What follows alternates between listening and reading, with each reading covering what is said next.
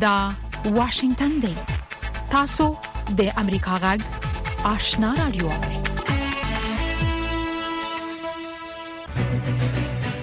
قدرمن اوریدونکو السلام علیکم زه شافیا سردار یم دا د امریکا جغ آشنا رادیو خبرونه پیښه لومړی به خبرونه واوري ویان سید سلیمان شاه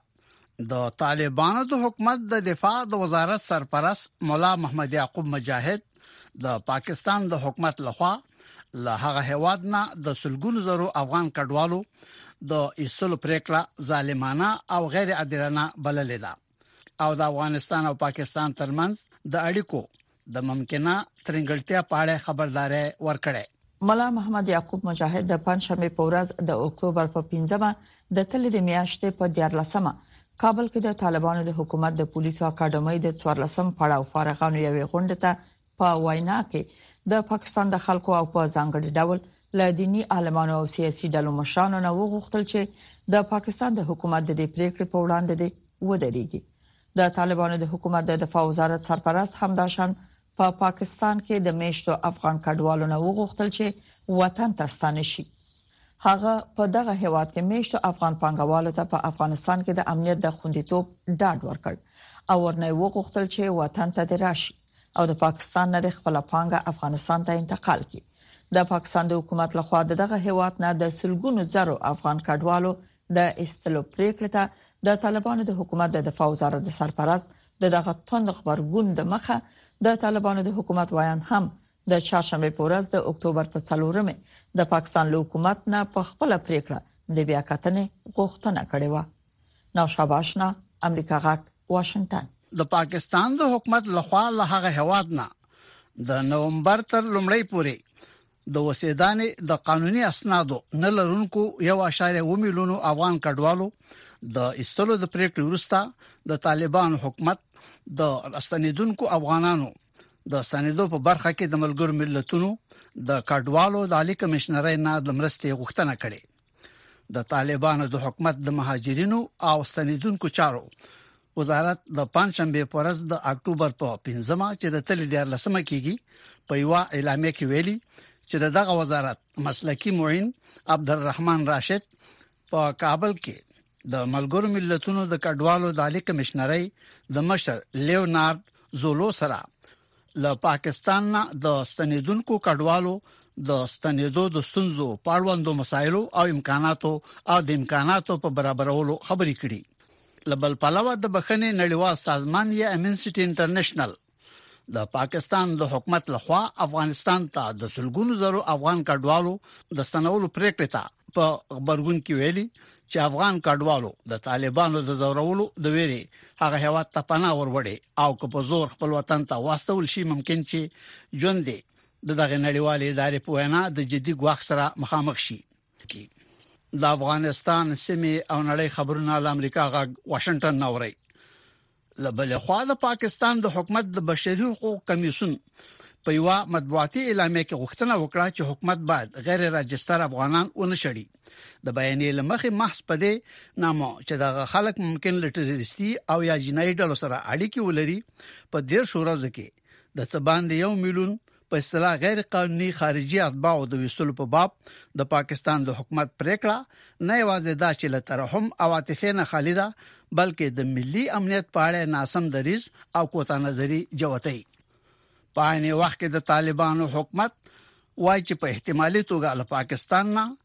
افغانستان ته د سلګون زرو افغانانو د رسنیدو لپاره آمادګی نیسي او له تورخم سره نږدې د ننګرهار ولایت د لالپوري پولیسوالۍ کې د موقتی کمپونو د لګولو په غرض یو هیئت نوموړي ولسوالۍ ته لګلې کله چې په دې اړه په نیویارک کې د ملګرو ملتونو لویان سټيفاني دوژاک نه پښتنه وشو هغه په جواب کې ویل چې د افغانانو استل په ښکارا توګه د اندېښنې وړ انکشاف دی او زه دا ډیم چې د ملګرو ملتونو د مهاجرینو پالي کمشنرۍ کې به زمنګ همکاران ورته حتمان متوجي زمون غږ له واشنگټن نوري په ملګرو ملتونو کې د متحده عربي اماراتو نمائندګي وای چې د نړۍ د اتیاو دولتونو په استازیتوب د طالبانو حکومت ته د خزو او جنو د حقوقو په باب یو ګډه بیانیه ورسپارلې په بیانیه کې د اسلامي امارت له چارواکو نه غوښتنه شوې چې د ښځو او نجونو په اړه خپل جاري شوی فتواګانې واپس کړي د بیانې لمخې ښځې او نجونې باید حق ولري چې د افغانستان په اقتصادي او ټولنیز پرمختګ کې کلیدي نقش ولوبوي په منځني ختیځ کې د امریکا د هوایي قواو عمومي قوماندان الیکسی ګرینویچ د چاشنبه پر ورځ د اکتوبر په څلورمه ویل چې د ایراني ځواکونو د شاتمبول لپاره د امریکایي ځواکونو د طاقت د خودلو ننداره کافي و دغه امریکایي جنرال په واشنگټن کې په وی مطبوعاتي غونډه کې ویل چې د روان میلادي کال په لومړیو کې چې ایراني ځواکونو د هرمز په تنګي او د عمان په خلیج کې کښته په نخښه کولې د امریکا د ځواک ننداره ورته کافي و د متحده ایالاتو جمهور رئیس جو بایدن له اوکرين سره د امریکا د مرستو په دوام تاکید کړي بایدن په یو وینا کې د غوښتنه ورسله هغه وکړه چې د استادو مجلس په دی ونه کې د حکومت د لړمحاله بودیجه د منځورې په وخت له یوکرين سره د نظامی مرستې له منځورول نه ډډه وکړه د ناتو یو لوړپوړي قوماندان خبرداري ورکړه چې د یوکرين له پاو سره هغه مهمات مخ پر ختمېدو دي چې د اروپאי اتحاد غړو ملکونو ورته د روسي ځواکونو د يرغل د شاتم بهول په منځور استولیو د خبرونو پای خبرونه مو د امریکا جغ آشنا رادیو څخه واوریدل قدرمن اوریدونکو زموږ په دې سهارنۍ پښتو خبرونه کې د افغانستان سیمه او نړۍ د اوسنوي حالات په اړه کې مهم مطالب لرو هله د خبرونه تر پای واوري لومړی به دا راپورټ واوري چې د طالبانو د حکومت د بهرنیو چارو وزیر امیر خان متقی د ترانس همالیا فورم درېیمې ناستې ته په وینا کې د چین سره د واخان په سیمه کې د دغه هیواد په موافقه د نوي سرحدي لارې د پرانیستلو وړاندیز کړی دی همدا شان شاغلی متقی د چین څخه د افغانستان له لارې له ازبکستان څخه پاکستان ته د اورګاډي د پټلۍ د غزولو پروژه کې د پانګونې غوښتنه کړې ده نور تفصيل زموږ د خبريال اکرام شنواري پر رپورت کې ووري د طالبانو د حکومت د بهرنی چارو وزیر مولوی امیر خان متکی د پنځشنبه په ورځ د چین د شي جیانګ د ایالت د تبت په ښار کې د ترانس هیمالیا فورم درې میناسې ته په وینا کې تر ډیره د سیمې د اتصال په برخه کې د افغانستان په اهمیت خبرې وکړې او ویل چې اوس هم د افغانستان لارې د منځنۍ او جنوبي اسیا د هیوادو ترمن سوداګري روانه ده نه یوازې دا چې سوداګري عادي روانه ده، بلکې د دوه زره یوویشتم کال د اګست له پنځلسمې وړاندې وخت سره په مقایسه اوس د افغانستان له لارې د مرکزي اسیا او جنوبي اسیا ترمنځ تجارت او ترانزیټ څو برابره زیات شوی دی. ښاغلي متقي له چین سره د واخان په سیمه کې د دغه هېواد په موافقه د نوې سرحدي لارې د پرانیستو وړاندیز وکړ او ویې ویل چې دا لار به نه یوازې د دوه ګاونډیو هېوادو ترمنځ د سوداګریزو توکو انتقال اسان کړي، بلکې په سیمه په یوه لنډه ترانزیتي لاره هم بدله شي. موږ ته مهمه ده چې چین سره د تجارت او ترانزیت د لا ښه والي لپاره افغانستان او چین وصل شي. که څه هم اوس د افغان سوداګرو مالونه د دریم هېواد له لارې چین ته ځي او یا هم له چین څخه راځي، د افغانستان حکومت لېواله دی چې د چین په توافق او همکارۍ پر واخان کوریډور باندې کار وشي. همداشان د طالبانو د حکومت د بهرنیو چارو وزیر د چین څخه وغوښتل چې د ازبکستان پاکستان څخه د افغانستان له لارې د پاکستان پیښور ښار سره د ترانس افغان د اوسپنې د پټلۍ د نښلولو په پروژه کې دي پانګونه وکړي امیر خان متقی د ترکمنستان څخه د افغانستان له لارې پاکستان او هندستان ته د ټاپي د غازو د نللیکي د غزولو د پروژې یادونه هم وکړه او د دې پروژې د پلي کېدو برخه کې هم د چین د پاملرنې غوښتنه وکړه طالبانو د حکومت د بهرنی چارو وزارت سرپرست د افغانستان لاري منځني او جنوبي اسیا ترمن د سوداګرۍ او ترانزیت د کچې د لوړېدو په اړه د څرګندونې په داسې حال کې کړي چې په اسلام آباد کې د افغانستان سفارت چې د طالبان لخوا اداره کیږي د پاکستان لخوا په شمیر افغان ترانزیتي مالونو د بندیز خبر ورکړي او د پاکستان دا اقدام د دوه هیوادو ترمن د اپټا د تړون سره په ټکر کې ګڼل دي دغه سفارت د پنځشنبه پورس د ایکس په ټولنیزه شبکه کې په خپل پاڼه په سو په لپسې پیغامونو کې لیکلي چې سم لوري تازه د تورچي ټایر کاسماټکس نساجي د کورنۍ د استعمال توکي او داسې نور توکو په ترانزیت بې موجبه بندیز لګولې چې د اپټا له تړون سره په ټکر کې دي همدارنګه دغه سفارت ویلي چې په شمیر ترانزیتي توکو د پروسس فیس په نامه لس فیصد مالیاتو له وضع کولو ترڅنګ د پاکستان حکومت له افغان سوداګرو په ترانزیتي محمولو د سل فیصد بانکي تضمین غوښتنه کړې چې د سوداګرو له توان وتلې خبره ده پاکستان تر اوسه د افغانستان د سفارت څرګندونو ته غبرګون نه دی ښودلی خو په یو مکتوب کې چې افغانستان او پاکستان ګډې خونې د طالبانو د حکومت د صنعت او سوداګرۍ وزارت استولې پکې پر ځینو سوداګریزو توکو د پاکستان د حکومت لخوا د بندیزونو د لګولو یادونه شوې افغانستان او پاکستان د سوداګرۍ او ترانزیت تړون 2010 2007 کال کې د پخواني جمهور رئیس حامد کرزي په دوره کې لاسلیک کړی چې د 2020 کال د فبرورۍ په میاشت کې یې اجرایي موده پای ته رسیدلې مولوي امیر خان متکی چې لا هم د چین په سفر بوخت دی تیر ورځ د ترانس هیمالیا فورم درې غونډې په څنډه کې د چین د بهرنی چارو وزیر وانګي سره هم د دوه هیوادو ترمنځ په اړیکو خبرې کړې د طالبان حکومت د بهرنی چارو وزارت د وی اعلامیې لمخې مولوي متکی سره په کتنه کې خاغلی وانګي ویلي چې افغانستان سره ډیپلوماټیک اړیکې د هیڅ بل هیواد تر غیر لاندې نه دي او چین د افغانستان سره خپلې دودیزې ملګرتیا ته دوام ورکړي د نړیوالو اړیکو یو کارپوه سرور جعفري وایي چې چین په افغانستان کې نامني د خپل سولو پروژو د پلي کېدو په برخه کې د یو خنډ په توګه ویني او نه غواړي چې نامني اقتصادي ګټو ته زیان ورسي دی وایي چې چین غواړي په افغانستان کې په خپل حضور سره د دغه هیواد د امنیتي وضعیت او د تنلارو ډلو د فعالیتونو په اړه هم معلومات راټول وجود چینایی ها در درون افغانستان میتونه اشراف معلوماتی برایشان خلق بکنه و یک مقدار بر داده های امنیتی و تعاملات امنیتی که در درون افغانستان اتفاق میفته اشراف داشته باشد ښاغلی جعفري وایي، طالبانو د حکومت لپاره د چین اړیکې تر ډېره لنډمهاله موده کې د رسمیت پېژندو تر څنګ اقتصادي ګټو لپاره اهمیت لري او د همدې له امله له دغو اړیکو څخه ګټه اخلي. انتظار پای ته ورسید درنو لیدونکو او اوریدونکو تاسو کولی شئ د امریکا غا ټلویزیونی او رادیوي خبرونه د یاشر ساتلایت له طریقو وګورئ او واوري د نوي سټلایټ لارې تاسو د آشنا اتصال او کاروان ټلویزیونی خبرونه کتلای هم شئ د امریکا غږ د افغانستان څنګه خبرونه په 398 چنل او د آشنا رادیوي خبرونه په 398 چنل کې اوریدلای شئ لملتیا مو د تل پشان مننه دا د امریکا جغ آشنا رادیو ده درنوریدونکو پاکستان ټولو غیر قانوني کډوالو ته لارښوونه کړې چې د نوومبر تر لومړۍ نیټه له هغه هواده په خپل خوښه ووزي یا به په زور وېستل شي نوې لارښوونه به په عمده توګه افغانان اغیزمن کړي په تیر هغه کسان چې د 2021م کال د اگست میاشت کې د طالبانو تر وخمنېدو وروسته له هغه هوا د وتلې دي په اسلام آباد کې د امریکا جغ خبريالي سارا زمان له یو شمیر افغان میرمنو سره خبرې کړې چې برخلیک یې ناڅرګند دی ملګرو ملتونو له پاکستان څخه د بې اسناد افغان کډوالو د ایستلو په اړه د هغه هیواد پریکړه د اندېښنې وړ بللې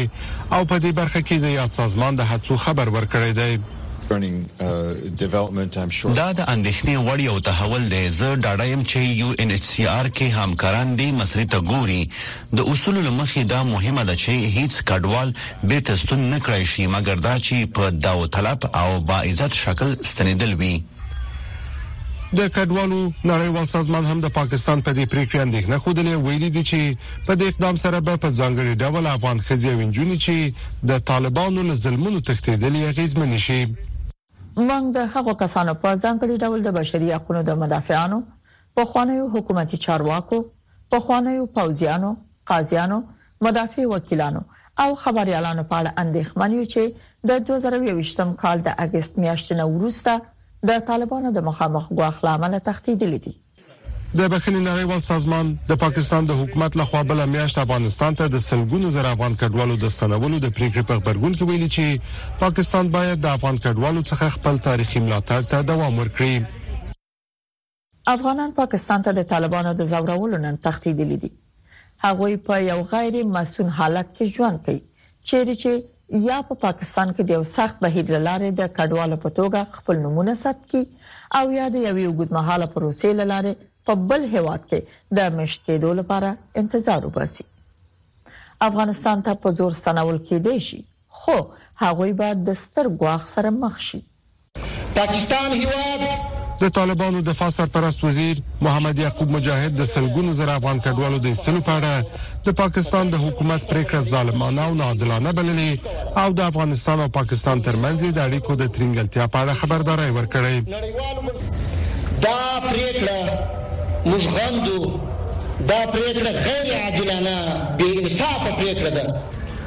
د یو اعشاریه اووه میلیونه افغان کډوالو د ستنولو په اړه د پاکستان له پریکړې وروسته د طالبانو حکومت د دغو کډوالو د ستنولو په اړه د کډوالو په چارو کې د ملګرو ملتونو د عالی کمشنرۍ د مرستې غوښتنه کړې د طالبانو د مهاجرینو او راستنیدونکو چارو وزارت مرستیال عبدالرحمن راشد ویلي، پاکستان د نړیوالو قوانینو خلاف کډوال باسي او هغوی باید یادو کډوالو ته ښه راغلاست ووایي او په دې برخه کې د یو این ایچ سي آر مرستې ته اړتیا لري.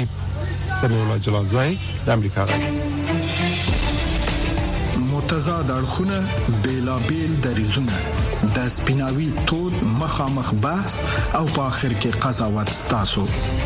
پر مهمو سیاسي امنیتي اقتصادي او ټولنیزو مسایلو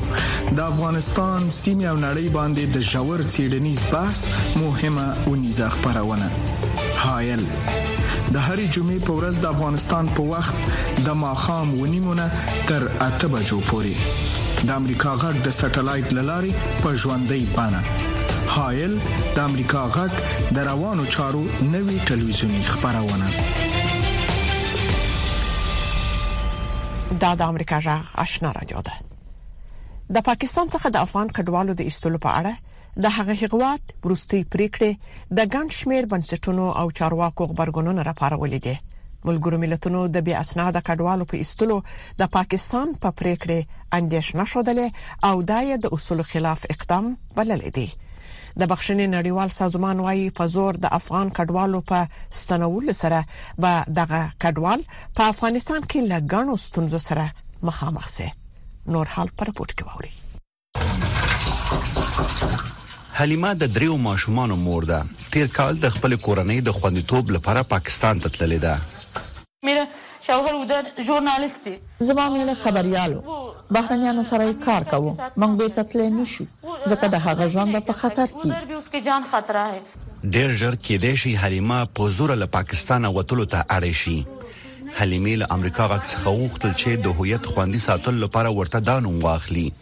د پاکستان د حکومت د معلوماتو لمخې د 1.9 میلیونو افغانانو څخه یو ده چې په دغه هیواد کې په غیر قانوني توګه ژوند کوي که هغوی د نومبر تر لومړۍ نېټې پورې ونه وځي، ولایتي او فدرال ټول پولیس به هغوی په زوره وباسي. په پېښور کې د طالبانو جنرال قونسل امریکا غږ ته وویل، دا پرېکړه کېدای شي اړیکې زیانمنې کړي. نو داسې لنډه فیصله کول، دا به د دوو همسایګانو ملکړو باندې سیاست په لحاظ کې راواخلي، دا به ډېر منفي تاثرات ولري، که نه؟ که څه هم پاکستان د کډوالو د حقونو د خوندیتوب لپاره د ملګرو ملتونو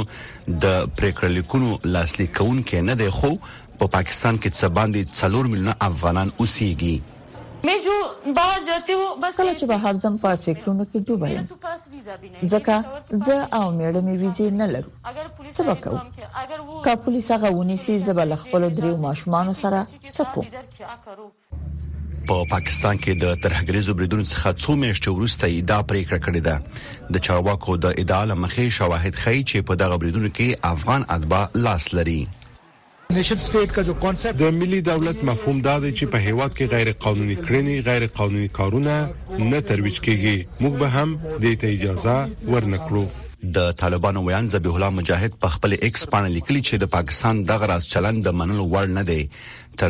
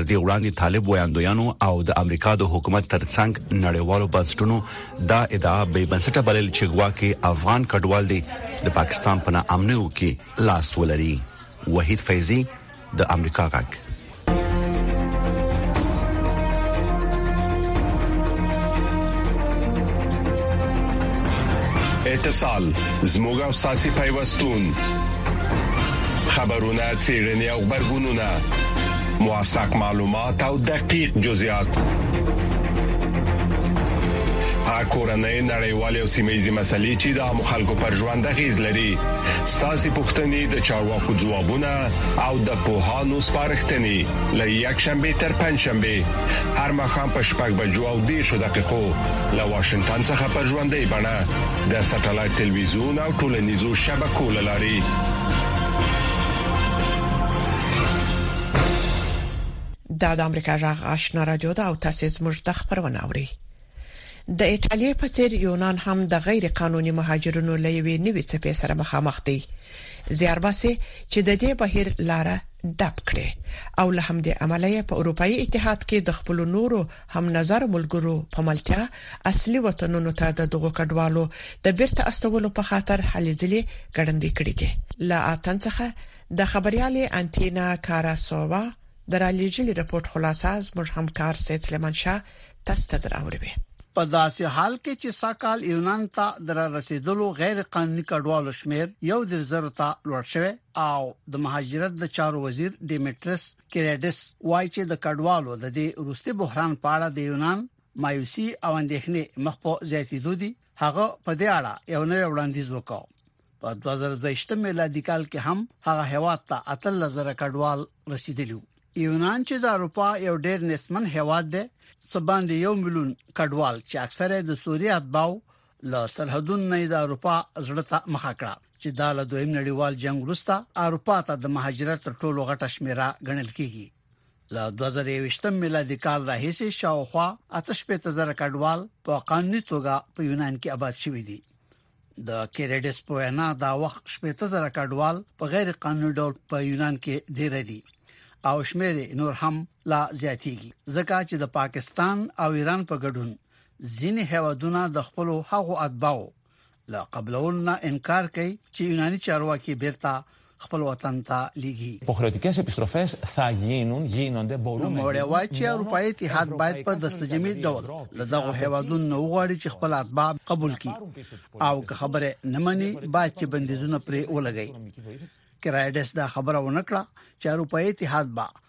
د دغه هوادونو په خلاف څه قسم تادیبي اقدامات کوي خو زیاته کړه چې د اروپאי اتحاد لپاره لازم دي چې د غیر قانوني کډوالو د شړلو لپاره یو میکانیزم جوړ کړي او په دې اړه به ناکامي په دې معنی چې د انسانانو قاچاقبران چې همدا اوس لګیا دي ډله ډله اروپا ته استي په موثره توګه د دې فرصت پیدا کړي چې لا زیات نور غیر قانوني کډوال هم د یونان په لار اروپا ته انتقال کړي د یونان د مهاجرت وزیر ویل لازمه ده چې د حقيقي مهاجرینو او غیر قانوني کډوالو ترمن تمیز وشي ځکه که ټول قبول شي په اروپا کې به بل اخر داسې یو غټ بحران رامنځته کی چې د ټولو سرحدونو د تړلو باعث به وګرځي او بنشي کولای کوم واقعي مهاجرین چې په خپل هوادونو کې د جنگ او ظلم لامل اروپا ته راځي ژوندې خوندې کی په داسې حال کې چې د کډوالو په اړه د اروپאי اتحاد محدود شوی اپروچ یا روش د بشري حقوقو د ډلو د سختو انتقادونو سره مخامخ شوه نو موړي اتحاد د چهارشنبه پورس د تلې په 12مه موافقه وکړه چې د بحران د انسجام د اقداماتو نامه لاندې د کډوالو د قبولولو لپاره یو نوې لیست جوړ کړي ترڅو وکولای شي چې په زیات شمېر کډوالو ته د راتګ په وخت په بحراني حالت کې رسیدګي وکړي بل کال د اروپאי اتحاد په یو شمېر هیوادونو کې انتخابات کیږي خو د مهاجرت په سر اختلاف نظر زیات شوی او د ایتالیا، هنګری، پولند او جرمني په ګډون په یو شمېر ملکونو کې خلاصي افراطي ګوندونه غواړي چې په غیر قانوني کډوالو باندې د محدودیتونو لګول په انتخاباتي کمپاینونو کې د یو مهم موضوع په توګه وړاندې کړي خو تر اوسه لا څرګنده نه ده چې آیا اروپאי اتحاد به د یونان د غوښتنې سره سم پر هغو هوادونو د بندیزونو لګولو سره موافقه وکړي چې له اروپا نه خپل شړل شوی اتباع بیرته نه قبلای یونان او ترکیه چې زړه دښمنی ترمنځ پرته ده لګیا دي کوشش کوي چې خپل دوه اړخیزې اړیکې ښې کړي او د بریالیتوب په صورت کې به ترکیه او اروپای اتحاد دواړه پر هغه توافقنامه لسره عمل کول پیل کړي چې په 2014 میلادي کال کې له ترکیې نه اروپا ته د یونان په لار د غیر قانوني کډوالو د بهیر د مخنیوي او د انساني قاچاقبرانو د فعالیتونو د پای تر رسولو په غرض لاسلیک کړي و د یونان د مهاجرت وزیر ویل حکومت زیار باسي چې اوسنۍ فرصت یې لګوتو اونوزي او عملی نتایج لاسته راوړي خو پاین وخت کې به ایتالیا ته هم اجازه ورنکړي چې اروپאי اتحاد ته د غیر قانوني کډوالو د بهیر د مخنیوي موضوع په خپل نفع انحصار کی که ایتالیا وکول شو چې اروپا ته د غیر قانوني کډوالو دو را رسیدو ټول لارې بند کړي د کرایډس په وینا یونان ته به د کډوالو د راتګ بهیر لا زیات شي یونان او ترکیه په پام کې لري چې ساکال په دسمبر کې یوې ځانګړې توافقنامې ته سره ورسیږي سید سلیمان شاه د امریکا غږ واشنگټن د امریکا جغ آشنا رادیو څخه رپورټونه ته دوام ورکوي د ناتو تر ټولو لوړپوړو پوځي مشرانو خبرداري ورکړې چې د اوکرين سره په لوی اندازه د لویدیز د پوځي مرستو په دوام کې د اروپا پوځي دیپوګانې مخ په خلکې دوی د اوکرين سره دا پوځي مرسته د دې لپاره کیږي چې د روسي د يرغل دفاع پر وکړي د امریکا جمهور رئیس جو بایدن وايي په دې اړه به خپل ولسته یو وینا هم وکړي